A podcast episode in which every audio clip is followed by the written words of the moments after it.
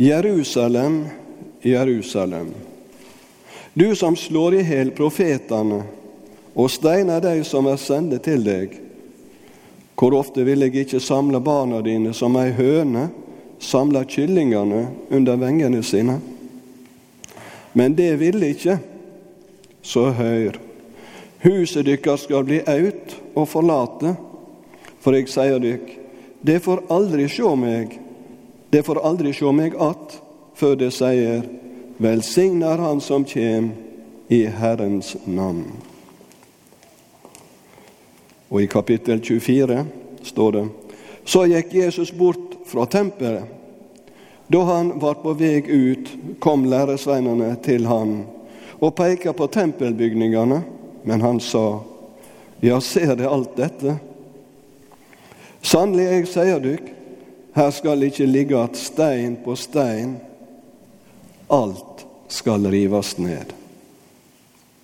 Hellige Far, helge oss i sanninga. Ordet ditt er sanning. Amen. Er det én ting som eh, verden legger merke til, så er det når det skjer noe i Israel. Når det skjer noe i Jerusalem eller der omkring, da er folk veldig opptatt. Jeg husker når seksdagerskrigen begynte, så gikk Bibelselskapet tom for bibler. Alle ville se hva som skulle skje, for de skjønte nå er det noe nytt som skjer. De var spente på om dette er det som Jesus sier skal skje i den siste tida. Og de las så øya ble både våte og store. Men om de fikk så mye visdom, det veit jeg ikke. Jeg tror det. Den som leser Guds ord, får iallfall visdom til å forstå både tida vi lever i, tida som er bak oss, og også det som skal komme. Det gikk ikke så veldig mange dagene fra Jesus sa disse orda, historisk sett, til at hans profeti om Jerusalem og tempelet gikk i oppfylling. Denne gamle byen på den tid så var vel den ca. 1000 år, kanskje 1500 år gammel, men var en kjent by i Østen. Og dette tempelet som sto der, det var Herodes nye tempel, det var ikke Salomos tempel. Det las vi om i Jesajas. Profeten Jesaja sa at det skal også rives ned, og det skjedde. Så sier Jesus nesten det samme om det nye tempelet, Herodes tempel som sto i Jerusalem. Byen ble brent, og tempelet ble nedrevet i år 70. Ca. 30 år, vel 30 år etter at Jesus sjøl ble korsfesta i Jerusalem. Så skjedde det som vi har lest om i dag. Og det skjedde før, kjære dere, før disse ordene som jeg las, er skrevne. Evangeliet var skrevet på 50-, 60-, 70-tallet av Matteus osv. Men før det skjedde, så sa Jesus det. Og før det skjedde, så skrev disiplene det ned. De hadde hørt det, de trodde at dette var et ord som de skulle bevare og føre videre til oss som kom etterpå. Når det gjelder israelsfolket, så var de Guds utvalgte folk fra Abraham av. Gjennom profetene, gjennom kongene, David og Salomo og de som kom etterpå. Noen var gode, og noen var dårlige. Men de var Guds folk, og slik har de vært helt til vår tid. Gud har ikke glemt sitt kall og sine løfter til Abraham. De står fast både i Det gamle testamentet, du kan lese så mange plasser du vil, og i Det nye testamentet. Det er aldri blitt oppheva. Jeg vet at eh, en del av kristenheten har oppheva dem, de som kaller seg for eh, De er tatt over og tror at vi som kristen kirke er den eneste som har løfta intakt fra Jesus.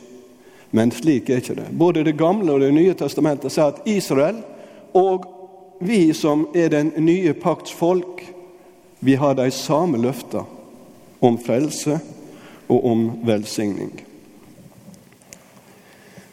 Jesus han så seg omkring. Han hadde vært inne i, inn i tempelet som tolvåring, det husker jeg fra bibelsoga. Mora og faren hadde glemt han igjen der.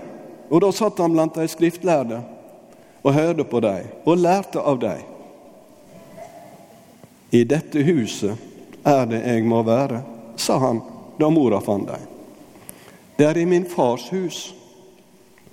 Og slik er hele den kristne historie. Der Guds ord blir forkynt, enten det er i bedehus eller i kirke, der er Gud sjøl til stede og taler gjennom sitt ord og ved Den hellige ande. Så vi skal ta det til oss, både forstå den situasjonen som vi lever i, og det som Gud har gjort ferdig for oss. For Gud er alltid fortid, nåtid og framtid. Det er vel ikke alltid at Jerusalem har levd opp til å være det som navnet betyr. Her sitter folk i salen som kan hebraisk mye bedre enn meg. Men eh, Jerusalem, det er Guds fredsby. Shalem, shalom, det er jo navnet på fred i Israel. Og Je, for nå må dere ha meg tilgitt, men jeg tror det har med Jehovas, Guds fredsby. Det er Guds fredsby, kan vi si, som da Gud på en måte ga til israelfolket, der navnet hans skulle bli kunngjort, og der de skulle tilbe han i tempelet. Det var historia, og det er også ei historie som er en levende historie helt fram til vår tid. Hvem er det som ikke er slått opp av og til og så funnet at ja, dette der var rart, og tenkt ja, kanskje er det sant det som står i den der eh, bibelboka. Kanskje var det litt støv på henne. Men når det, vi tar oss tid til å lese, så taler den til oss. Der er ting vi ikke forstår, der er ting jeg ikke forstår. Ting som ikke åpenbærer for oss, slik at vi kan gripe det med tanken. Men spør jeg mennesker omkring meg, f.eks. spørsmålet tror du at det er noen Gud? Ja, kanskje, kanskje. Men tror du noe mer i eksistensen vår enn det vi ser og kan ta på? Da er det nesten alle som svarer ja. Jeg husker en gang da var jeg prest i Nord-Norge og møtte en del, en kultur der som jeg ikke hadde møtt før. Det var samene. Og eh, en dag, eller en gang, som var det ei ulykke. Og eh, det kunne være vanskelig å rekke til sykehuset før vedkommende blødde seg i hjel. Hva gjorde de da? Jo, da var det en som kunne stoppe blod. Legene tror ikke på det. Hvordan kan du stoppe blod som et sår som er så stort at det ikke lar seg stoppe? De gjorde det. Det er mange ting, og det kunne jeg også som gammel misjonær ute fra Østen fortelle at det er mangt mer mellom himmel og jord. Langt mer. Når vi ber, så er Gud nær. Og når vi ber til Han, slik som vi har fått lært det fra barnsbeina av, og som vi har vært med på i dag og innviet tre små gutter til, så skal vi få lov å bære dette vitnesbyrdet videre framover. Gud har gitt oss det til velsigning for oss sjøle, og det skal være til velsigning for folkeslagene og for Israel. Og Jeg skal ikke holde så veldig langt foredrag, men jeg har lyst til å komme tilbake litt til det som står her om Israel. Og i det niende kapitlet der las vi Jeg taler i sanning i Kristus og lyg ikke. Samvittet mitt stadfester det er Den hellige ande. Jeg ber på ei sorg og ei stadig liding i hjertet, for jeg skulle ønske at jeg sjøl var forbanna og skilt fra Kristus, bare du kunne hjelpe mine søsken som er av samme folket som jeg, osv. Han så at folket hadde ikke tatt imot Jesus som Messias. Paulus hadde fått åpenbaring. Han har møtt Jesus som den levende oppstandende. Og den som har møtt Jesus på denne måten som Paulus, han er i hvert fall i stand til å bære dette vitnesbyrdet videre fram. Og i det niende og det tiende kapittel her i Romerbrevet, du som gjerne vil lese litt mer, kan lese alle versene der.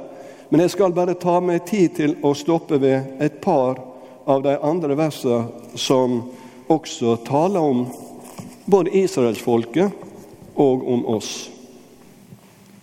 Og Da vil jeg først lese fra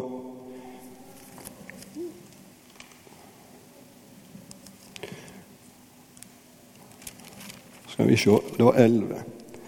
11 fra kapittel 11. Der står det slik Så spør jeg, det er Paulus som sier det, snubla de for at de skulle falle? Nei, langt ifra. Men deres fall gjorde at frelsa kom til de andre folka og så skulle jødene bli misunnelige på dem. Når deres fall har ført til rikdom for verden, og deres tap har blitt til rikdom for de andre folka eller folkeslaga, hvor mye mer får det da ikke å, å, å si at de, altså Israelfolket, kommer med, og folkeslaga kommer med, i fullt tall? Og jeg leser fra vers 23. Men de andre skal også bli innpoda. Nei, da hopper jeg over. Det er viktig. Har det blitt til forsoning for verden at de ble vraka, hva vil det ikke da føre til at de blir godtekne? Ja, liv av død. Noen av greinene er nå avråtne, og du som er en vill oljekvist, er innpoda mellom greinene og har fått sevje fra rota sammen med deg. Men de andre òg skal bli innpoda igjen. Og då, om de da ikke held fram i vantrua si Gud har makt til å pode inn att. Du vart hoggen av fra et vilt oliventre, og mot naturen innpoda i et godt tre. Hvor mye mer skal ikke de, da deres naturlige, de naturlige greinene podast inn att i sitt eget oliventre.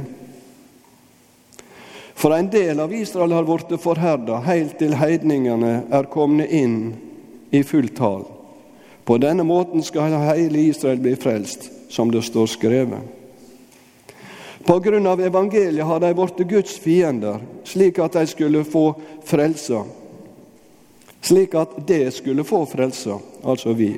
Men på grunn av utvelginga er de elska av Gud for fedrene sin skyld. For Gud angrer ikke på sine nådegåver og si utvelging. Det er ikke så ofte vi får anledning til å tale om Israel på denne måten. Det er ikke et politisk foredrag om, om situasjonen i Israel i dag og nabostatene, men det er om vårt forhold til Israel som Guds utvalgte folk og den nåde som vi får fordi vi har fått del i dette evangeliet. At vi er blitt innpoda i det samme oliventreet, det som har Gud som rot, som Herren Jesus Kristus som greinene, og Den hellige ande som styrke. For israelsfolket for meg og deg og for alle folkeslag. Og Jesus sier i dette verset som var litt lenger nede på evangelieteksten vår, i Matteus 24, 12, der sier han Og dette evangeliet om riket skal forkynnes for alle folkeslag, og så skal enden komme. Det er en begynnelse, vi er midt i løpet, og det er en avslutning. Må Gud velsigne hver enkelt av oss som er her, som vi blir med og blir innpoda i det sanne vintreet. Ære være Faderen og Sønnen og Den hellige ande, som var og er og blir en sann Gud fra evig og til evig.